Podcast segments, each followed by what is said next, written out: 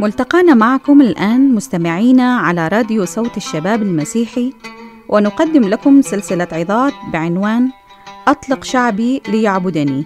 للقس ناجي يوسف مصلين أن تكون هذه العظات ذات فائدة روحية لحياتكم.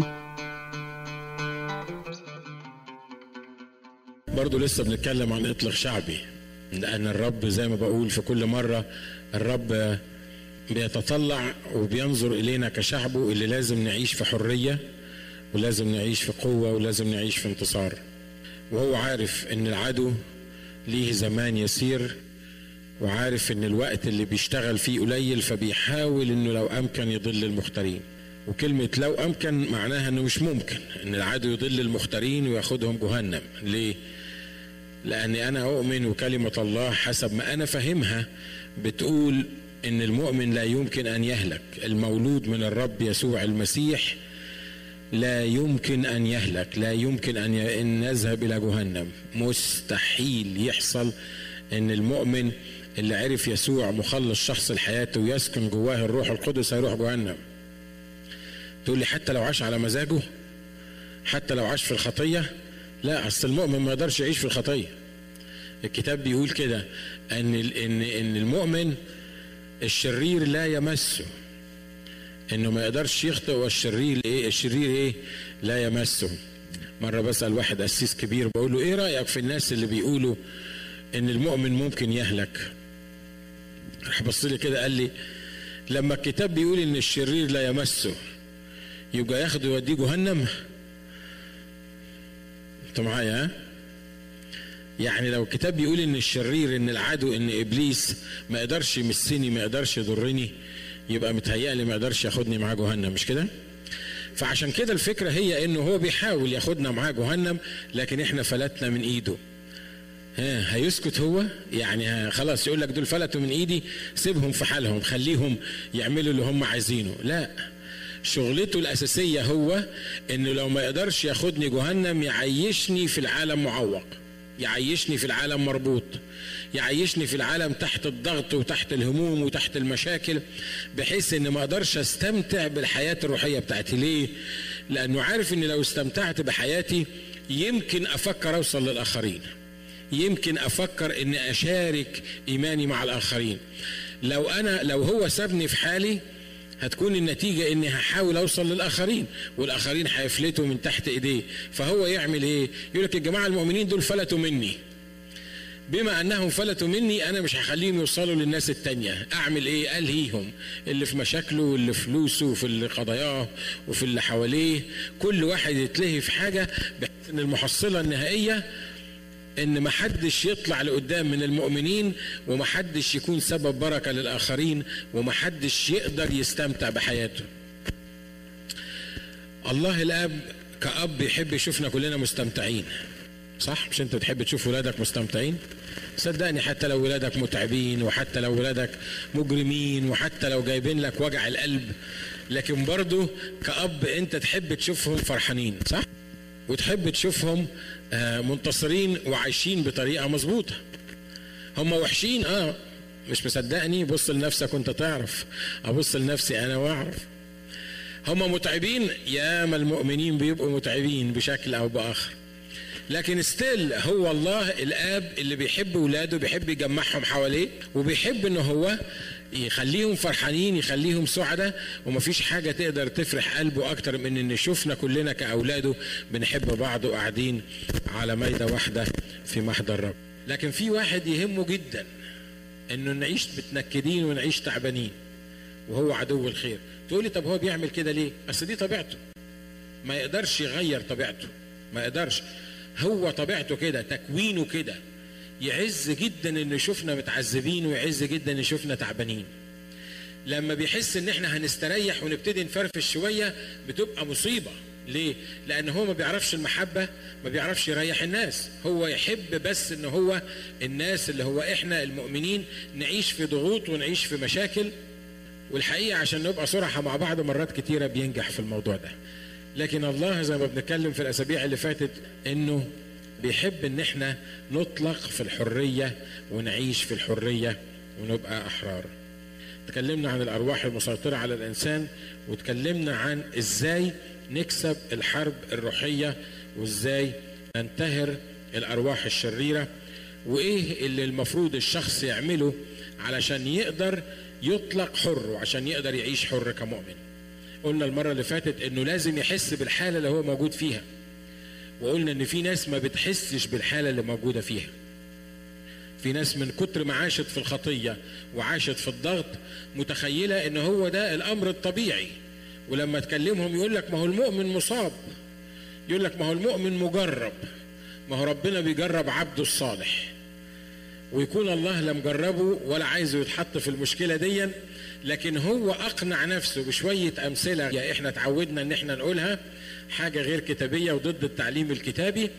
هو أقنع نفسه إن الحالة اللي هو فيها دي هتمجد الرب. يقول لك ما يمكن الرب عايز يتمجد في مرضي. تفتكروا الرب ممكن يتمجد في المرض؟ ويل مرات هو بيخرج من الأكل اكل ومن الجاف حلاوة. لكن الله مش ممكن يجيب لي المرض عشان يتمجد فيه. الله لما يتمجد يتمجد في الشفاء ما يتمجدش في المرض. مش كده؟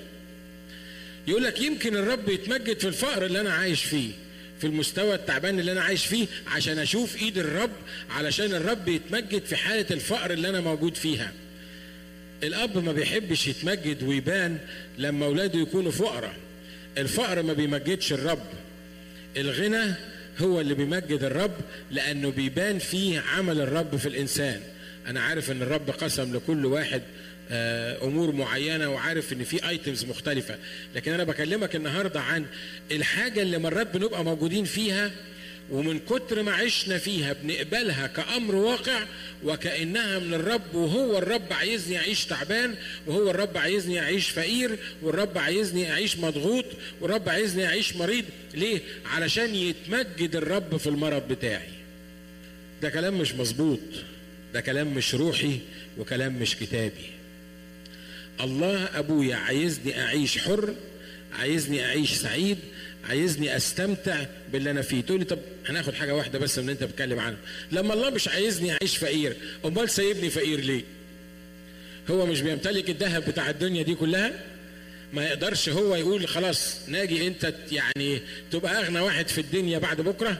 يقدر يعملها وما يقدرش يعملها. يقدر يعملها مش كده؟ طب أديك أنت على المنبر بتقول الله مش عايزنا نبقى فقراء. لو الله مش عايزنا نبقى فقراء يبقى إزاي إحنا ما غنناش؟ هو في 24 ساعة وخلانا نبقى أغنى الناس اللي موجودين في الدنيا. هو مش عايزك تبقى فقير لكن مرات انت اللي ما بتقدرش تستحمل الغنى. لو اعطاك الغنى اللي انت بتفكر فيه هتضرب. فهو ارادته ومشيئته إنك تبقى غني. ولما بقول غني مش معناها إنك انت يبقى عندك حساب كبير في البنك معناها إن يبقى عندك كل احتياجك. لأن الكتاب بيقول سيملأ إلهي كل احتياجكم حسب غناه في إيه؟ في المجد. ده الستاندر ده المستوى اللي الرب عايزنا نعيش فيه. إنه يملأ إلهي كل احتياجي مش حسب احتياجي أنا لكن حسب غناه في إيه؟ في المجد. قد إيه هو غني في المجد؟ يوه كتاب قال عنه إنه غناه لا يستقصى ما يقدرش تحسبه إنه غني جدا. أمال لما عايز يملى احتياجي زي ما بنقول ونقول تاني لما عايز يملى احتياجي وهو اللي بيمتلك كل الأموال بتاعت الدنيا أمال سايبني فقير ليه؟ لأن علاجك إنك تبقى فقير لأنك لو ما بقتش فقير بطبيعتك اللي أنت عايش بيها لو أغناك شوية بيقول لك لما أشبعتهم ضلوا وفي بيت زانية تزحموا. واخد بالك من اللي الرب عايز يقوله؟ يبقى الرب بيسيبك فقير أو ما بيخاف عليك ما بيديكش الغنى اللي المفروض أنت تستمتع بيه. لأن أنا وأنتوا طبيعتنا وحشة مرات كتيرة الفلوس بتخلينا نضرب. مرات كتيرة الصحة بتخلينا نفتري. عشان كده الكتاب قال من تألم في الجسد كف عن الخطية. مرات كتيرة لما تلاقي أحوالك ابتدت تتظبط ولو مش مصدقني اقرأ تاريخ شعب إسرائيل. يضغطوا يصرخوا الرب ينقذهم يبعت لهم منقذ ومخلص يريحهم من أعدائهم يبتدي يغنيهم في الأرض اللي هم عايشين فيها. أول حاجة يعملوها إيه؟ يبعدوا عنه ويضلوا عنه ويعيشوا في الشر بتاعهم. ويفضلوا عايشين ويغيظوا الرب بإمكانياتهم اللي هم واخدينها من الرب لغاية ما الرب يضطر يتزنق عليهم مرة تاني وياخد منهم الحاجة اللي عطاها لهم ويحطهم في مواقف صعبة يبتدي يصرخوا للرب والرب يبعت مخلص ويخلصهم ويشبعهم وينقذهم. أول حاجة يبتدوا يعملوها إيه؟ يبعدوا عن الرب مرة تاني أنتوا معايا ها؟ مش ده تاريخ إسرائيل؟ مش ده؟ وتاريخ إسرائيل على فكرة ما اتكتبش علشان الرب عايز يقول لنا إسرائيل حصل معاه إيه. ده الرب بيجيب لنا نموذج مثل عشان نقدر نفهم في حياتنا الطبيعية العادية الأمور تمشي إزاي. فقلنا في ناس ما عندهاش إحساس بالحالة اللي هي موجودة فيها. هي عايشة تحت الضغط وعايشة تحت القيود ومتخيلة إن هو ده المؤمن. المؤمن لازم يعيش تعبان. عشان كده ما بتقدرش تصرخ للرب. الحاجة التانية قلنا إنه لابد من الصراخ للرب. لما بنزنق كل واحد فينا بيصرخ لإلهه. فاكرين لما كان يونان في المركب؟ يونان كان في المركب وكان نايم.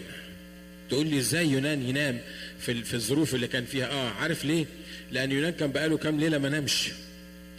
لأنه كان هربان من وجه الرب ولما تهرب من وجه الرب ما تنامش بالليل.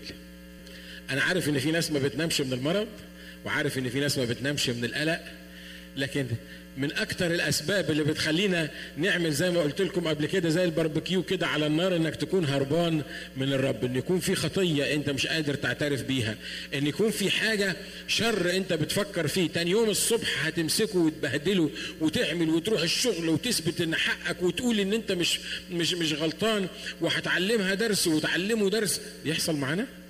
ها؟ وتبص تلاقي نفسك نايم طول الليل عمال تتقلب على المخدة وقايم وقاعد ونايم وقايم وقاعد. تصحى الصبح ما انتش عارف انك صحيت ولا كنت نايم ولا ما نمتش طول الليل ولا إيه اللي حاصل لك. اصله هربان من الرب والهربان من الرب يفضل صاحي صاحي قلقان قلقان قلقان ولما ينام ينام زي القتيل. الكتاب بيقول إنه ينام في المركب. دنيا عم البحر عمال يخبط في المركب والمركب هتغرق. يقول لك النوتية والبحارة والناس اللي موجودين كل واحد طلع إلهه. أصل دول شايلين آلهتهم في جيوبهم. شفتوا الغباء الإنساني ممكن يوصل لدرجة إيه؟ يقول لك كل واحد طلع إلهه وقاعد يتكلم مع إلهه يصلي. صنم حطه في جيبه صغير لما يتزنق يروح مطلعه يقول له انقذني من البحر. اعمل حاجة. طب خلاص كويس كده. ويروح حطه في جيبه مرة تاني الكتاب بيقول كده. بصوا اليونان لقوه نايم نعسان. راحوا مصحيينه قوم اصرخ إلى إلهك. أنت مالكش إله. أنت أنت بتعبد مين؟ إحنا محتاج المركب كلها بتصرخ. قوم اصرخ إلى إلهك. في ناس في عز ال ال ال ال الأمواج ديا وتلاطم الأمواج في حياتها بتعمل إيه؟ مش بتصرخ لإلهها بتنام. يونان لما قام ما صرخش للاله بتاعه مش كده؟ يونان كان في حالة من اليأس والاستسلام مع إن يونان ده جابه لنفسه. يونان ده نبي. الرب قال له روح نينوى الموصل روح الموصل المدينة العظيمة ونادي عليها وقول يا جماعة بتوع الموصل اللي ما كنتش تقبلوا الرب وترجعوا وتتوبوا البلد هتولع في 40 يوم. يونان قال له لا مش رايح. ليه؟ أصل أنا عارف إنك إله طيب. ويل؟ إله طيب يبقى ما تسمعش كلامه. إله طيب ما قال أنا عارف إنك إله طيب. هتوديني وأفضل أقول للناس ربنا هيولع في الدنيا وفي الآخر أنت إله رحيم هتغفى عنهم. وأنا بصراحة بتوع الموصل دول يستاهلوا الحرق فأنا عشان كده مش عايز أروح أنا عايزها تولع يمكن يبدو فاني اللي إحنا بنقوله لكن دي الحقيقة. مش هو ده سفر يونان؟ الرب بيقول له بيقول له ده أنا عندي عشر تلاف واحد هناك غير بهايم كتيرة. ده أنا حتى البهايم عامل حسابها. أنا مش عايز أهلك البهايم. أنا مش عايز اولع في البلد. فانت وعلى فكرة يونان معناه حمامة معناه رسول سلام المفروض انه يروح. يقول له يا يونان ده في بلد هناك فيها عشرات الالاف من الناس موجودين وأنا خايف عليهم ومش عايز اهلكهم.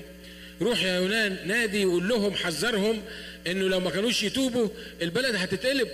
روح قول لهم الكلمات دي. يقول له لا. يقول لك فقام وهرب إلى ترشيش. لما ابتدى يتكلم معاه قال له آه أصل أنا عارف أنت إله رحيم وطويل الروح وكثير الرحمة وأنا هروح هناك وهنادي وأنت مش هتولع البلد هتسامحهم. لو الرب قال له لا اسمع يا يونان صدقني أنا أوعدك اي بروميس إن أنت بس روح وأنا هولع البلد. كان راح ولا ما راحش؟ صدقوني كان راح. مش كده؟ الحمامة بتاع السلام اللي المفروض يروح يعمل سلام ويخلص الدنيا. يا ترى الرب بيكلم حد من قدامي النهارده بيقول له أنت هربان من صوتي؟ ها أنا عمال أقول لك اعمل حاجة معينة المفروض تكون في مكان معين. كان من زمان لازم تكون بتعمل الحاجة دي أنا عايز أستخدمك بطريقة أو بأخرى. وهو قام وذهب إلى ترشيش. الحتة التانية بعيد خالص عن خطة الله بعيد خالص عن عن اللي الرب عايزه يكون فيه. وبعدين بالليل يقول لك أنا ما بعرفش أنا مش عارف ما بنامش ليه. هو ليه النوم طار من عينيا؟ أنا واحد من الناس اللي ما بنامش. لكن مرات يقول لك ليه ما بنامش ليه للصبح؟ أنا ما بعرفش ما بنامش ليه. لأنك هربان من الرب. لأنك مش قادر تواجه الحاجة الحقيقية اللي تعباك من جواك. لأنك مش قادر تواجه نفسك مش قادر تواجه الحقيقة اللي جواك. مش قادر تقف وقفه مع النفس وتقول أنا غلطان في كذا. أنا مش المفروض ان أستمر في كذا. أنا بتكلم عن نفسي وعن أي واحد تاني. أنا لازم أحط حد للمشكلة اللي أنا بعاني منها ديا قدام الرب علشان أبقى آآ آآ سليم وصافي قدام الرب عشان أعرف أنام. لما أحط دماغي أعرف أنام. الكلام ده بينطبق على حد؟ ناس ما بتحسش بالحالة اللي هي فيها وناس بتصرخ لناس تاني غير الرب. لما قال اليونان قوم اصرخ إلى إلهك قال لهم لا لا أنا مش هصرخ. ليه؟ هصرخ ليه؟ ما أصل أنا عارف. قالوا له طب اسمع قول لنا بقى لأن في حاجة مش مظبوطة. بسبب من هذه المصيبة؟ قال لهم بسببي. طب حلو. أديك أنت عرفت إن المصيبة اللي فيها الناس كلها بسببك. وعلى فكرة لما تبقى هربان من الرب ولا تبقى في حياتك مصيبة مش أنت بس اللي تتعب أنت واللي حواليك. تقول لك أنا ماليش دعوة أنا ماليش دعوة. أنا في بيتنا ما بتعاملش مع حد ما بتكلمش مع حد. لا المصيبة اللي أنت فيها منعكسه على عيالك ومنعكسه على مراتك ومنعكسه على أخواتك. المصيبة اللي ممكن تكون أنت فيها ممكن تخرب بيتكم. ويونان يقوم يقولوا له بسبب من هذه المصيبة؟ بسببي أنا. طب نعمل إيه في المصيبة اللي أنت موجود فيها؟ أنت دلوقتي في مصيبة وحطيتنا معاك في مصيبة. كلنا هنغرق. نعمل إيه؟ الوثنيين بيقولوا اليونان قم اصرخ إلى إلهك. المفروض يونان يقول آه صح. هو أنا إيه اللي وصلني للمرحلة دي أنا إيه اللي جابني في الحالة دي؟ ما الرب قال لي روح نينوى. أنا عصيت الرب ورحت ترشيش. يروح داخل يركع على ركبه ويقول له يا رب أنا متأسف. أنا عارف إن المصيبة اللي إحنا فيها دي بسببي. وأنا يا رب خلاص بعتذر عن اللي أنا عملته. وأنا أوعدك إن المركب بس توصل. هاخد مركب تاني وأروح لنينا والمدينة العظيمة ونادي عليها وأبقى في الخطة بتاعتك وأرجع تاني وسامحني وحقك عليا وهد البحر. مش كانت الأمور اتحلت؟ لكن يونان يقولوا له قم اصرخ إلى الهك بسبب من؟ هذه المصيبة أقول بسببي. طب نعمل إيه بقى في المصيبة دي؟ أرموني في البحر. ليه؟ أنا عايز أنتحر. هو إمتى ربنا ياخدني؟ أنا عارف ربنا ساكت عليا ليه؟ يا ريته ياخدني. يا ريته يحل المشكلة دي حتى بإنه ياخدني. يا ترى قلت الكلام ده في يوم من الأيام؟ أنا قلته. إن كنت أنت قديس يعني ما قلتش كده أنا مش قديس أو أنا أنا قديس في المسيح بس من يوم ما عرفت المسيح. لكن أنا قلته مرات كتيرة فكرت فيه مرات كتيرة. مع إني أشكر الله ما مرتش بمصايب يعني في حياتي تخليني أقول الحاجات دي. لكن مرات الواحد لما بيزهق بيقول يا سلام لو ربنا يجي ياخدني بقى ويخلصني من أشكالكم. مش أشكالكم أنتوا أنا بتكلم على أنا ما أقدرش أتخلص من أشكالكم أنا بحبكم جدا. لكن يقول إيه؟ بسبب من هذه المصيبة بسبب نعمل معاك إيه؟ ارموني في المية. ليه؟ أنا عايز انتحر. أنا خلاص مش هعيش تاني. يا حبيبي طب أنت كده كده هتنتحر وتترمي في المية وتموت. ما تركع تنادي على نينا والمدينة العظيمة وسيب ربنا يقلبها يعدلها. أنت يقول لك لا أنا ماشي اللي في دماغي حتى لو انت حرب أنا أنا خلاص أنا زهقت من حياتي زهقت من الخدمة زهقت من التكليف بتاع ربنا زهقت من الحاجات اللي عمال يقولها لي. أنا أنا ارموني في المية. وكان متخيل إن المية هتحل المشكلة. لكن المية مش هتحل المشكلة. إنك تنتحر مش هتحل المشكلة. إنك تهرب من الواقع بتاع المشكلة اللي عندك والقضية بتاعتك مش هيحل المشكلة. الحاجة الوحيدة اللي هتحل المشكلة هي إنك تواجه نفسك في محضر الله وإنك تصلي من قلبك وإنك تطلب الغفران وإنك تطلب من الرب إنك ترجع مرة تاني تسمع صوته وتنفذ اللي هو عايز يعمله معاك. الكتاب بيقول فأعد الله حوت كبير. يونان كان متخيل إن دي حياته أنا حر فيها. خلاص أنا عايز انتحر ارموني. ما أعتقدش إن يونان كان متخيل إن في حوت حوت هيفتح بقه ويبلعه. يونان كان كان بينتحر كان بياخد قرار انتحاره. والرب يقول له يونان أصلك مش عارف أنت بتعمل إيه. يا يونان أنا عايز أستخدمك. ده أنت نبي ده أنت رسول سلام. يقول لك وأعد الرب حوت كبير. خلي بالكم إحنا بنتكلم في انهي نقطة؟ إن الناس مرات ما بتعرفش الحالة اللي هي فيها وما بتصرخش للرب. الكتاب يقول لك فبلع الحوت يونان. تخيل معايا صدنلي هو نزل في المية لقى سمكة كبيرة راحت بلعاه. دخل في معدة السمكة. معرفش جوه كان شكلها إيه والريحة جوه كان شكلها إيه وال... والهضم بتاع السمكة كان شكله إيه. والحوت طبعا يعني ما بلعش يونان وراح نام كده ثلاث أيام لغاية ما يعمل لكن برضه كان ماشي في المية ويونان عمال ينزل عارف ال roller coaster اللي بي... اللي بيلعبوا بيه ده اللي بتاع تخيل إن هو في حوت والحوت عمال يتقلب فوق وتحت كام يوم في الموضوع ده؟ طب ما صرختش وأنت في المية. لما تخش في بطن الحوت أول ما تخش في بطن الحوت ده هو لما ابتدى يتكلم قال التف العود برأسي. ليه؟ لأن الحوت ما بلعوش وسكت. واضح إن الحوت كان بلع أعشاب وطحالب وبلاوي زرقاء. ما ينفعش نتكلم عنها من على المنبر. وكلها اختلطت بالأخ يونان وبعينيه. يصلي إمتى يونان؟ يعتذر إمتى للرب؟ يطلب إمتى ان الرب يرحمه؟ مش اول ما يخش في المصيبة بتاعت بطن الحوت دي المعدة بتاعت مش اول ما يخش في المصيبة دي المفروض يصلي يقول له يا رب أنا تبت. أنا عارف يا رب ان أنا اخطأت. اشكرك لانك حطيتني في السمكة دي ممكن يا رب تنقذني من بطن السمكة؟ عارفين يونان صلى بعد قد إيه؟ بعد ثلاث أيام. قعد الثلاث أيام يعمل إيه بالظبط؟ يا ترى المصيبة اللي أنت فيها مش مصلي لها ليه؟ مش عايز تصلي وتعترف بيها ليه؟ مش عايز تخلص من الوضع اللي انت موجود فيه ليه؟ ها؟ بقالك كام يوم في بطن الحوت. تقول لي ده المشكلة دي بقى لها 10 سنين بقى لها 15 سنة ومستحملها ليه؟ ليه ما واجهتهاش في وقت من الأوقات وقعدت وواجهت المشكلة اللي أنت بتمر بيها واتكلمت مع الرب فيها وحطيتها على الترابيزة قدام الرب وقلت له المتكلون عليك لا يخزون وأنا بحط المشكلة دي بين إيديك علشان أنت تقدر تغير وتقدر تنقذ من المشكلة دي وأنا مش هعيش مربوط ومش هعيش في القيود اللي أنا عايش فيها دي أنا عايزك تحررني النهارده لأن الرب عنده خطة ليك عنده أرض يخلي الحوت اللي بلعك دون غصب عن عينه لأن الحوت ده ما يقدرش يعمل حاجة الا بامر الرب فالرب يديله أمر ويقول للحوت اطلع على الأرض واخذف يونان على الأرض. قعد بقاله كام يوم؟ 3 days. 3 days. مرة تانية بقول من غير ما ترفع إيدك يا ترى الرب بيكلمك؟ عن حاجة معينة you have to get rid of it. لازم لازم تنقذ منها لازم تتفك فيها. لازم. تقول لي خلاص خلاص مش ما فيش فايدة. الموضوع ده طول عمري الموضوع ده طول عمري من ساعة ما كنت صغير من أول ما فتحت عيني على الدنيا. ده كلام إبليس اللي مش عايزك تتحرر. إن كان لكم أي سؤال أو استفسار فلا تترددوا بالاتصال بنا والرب يبارككم.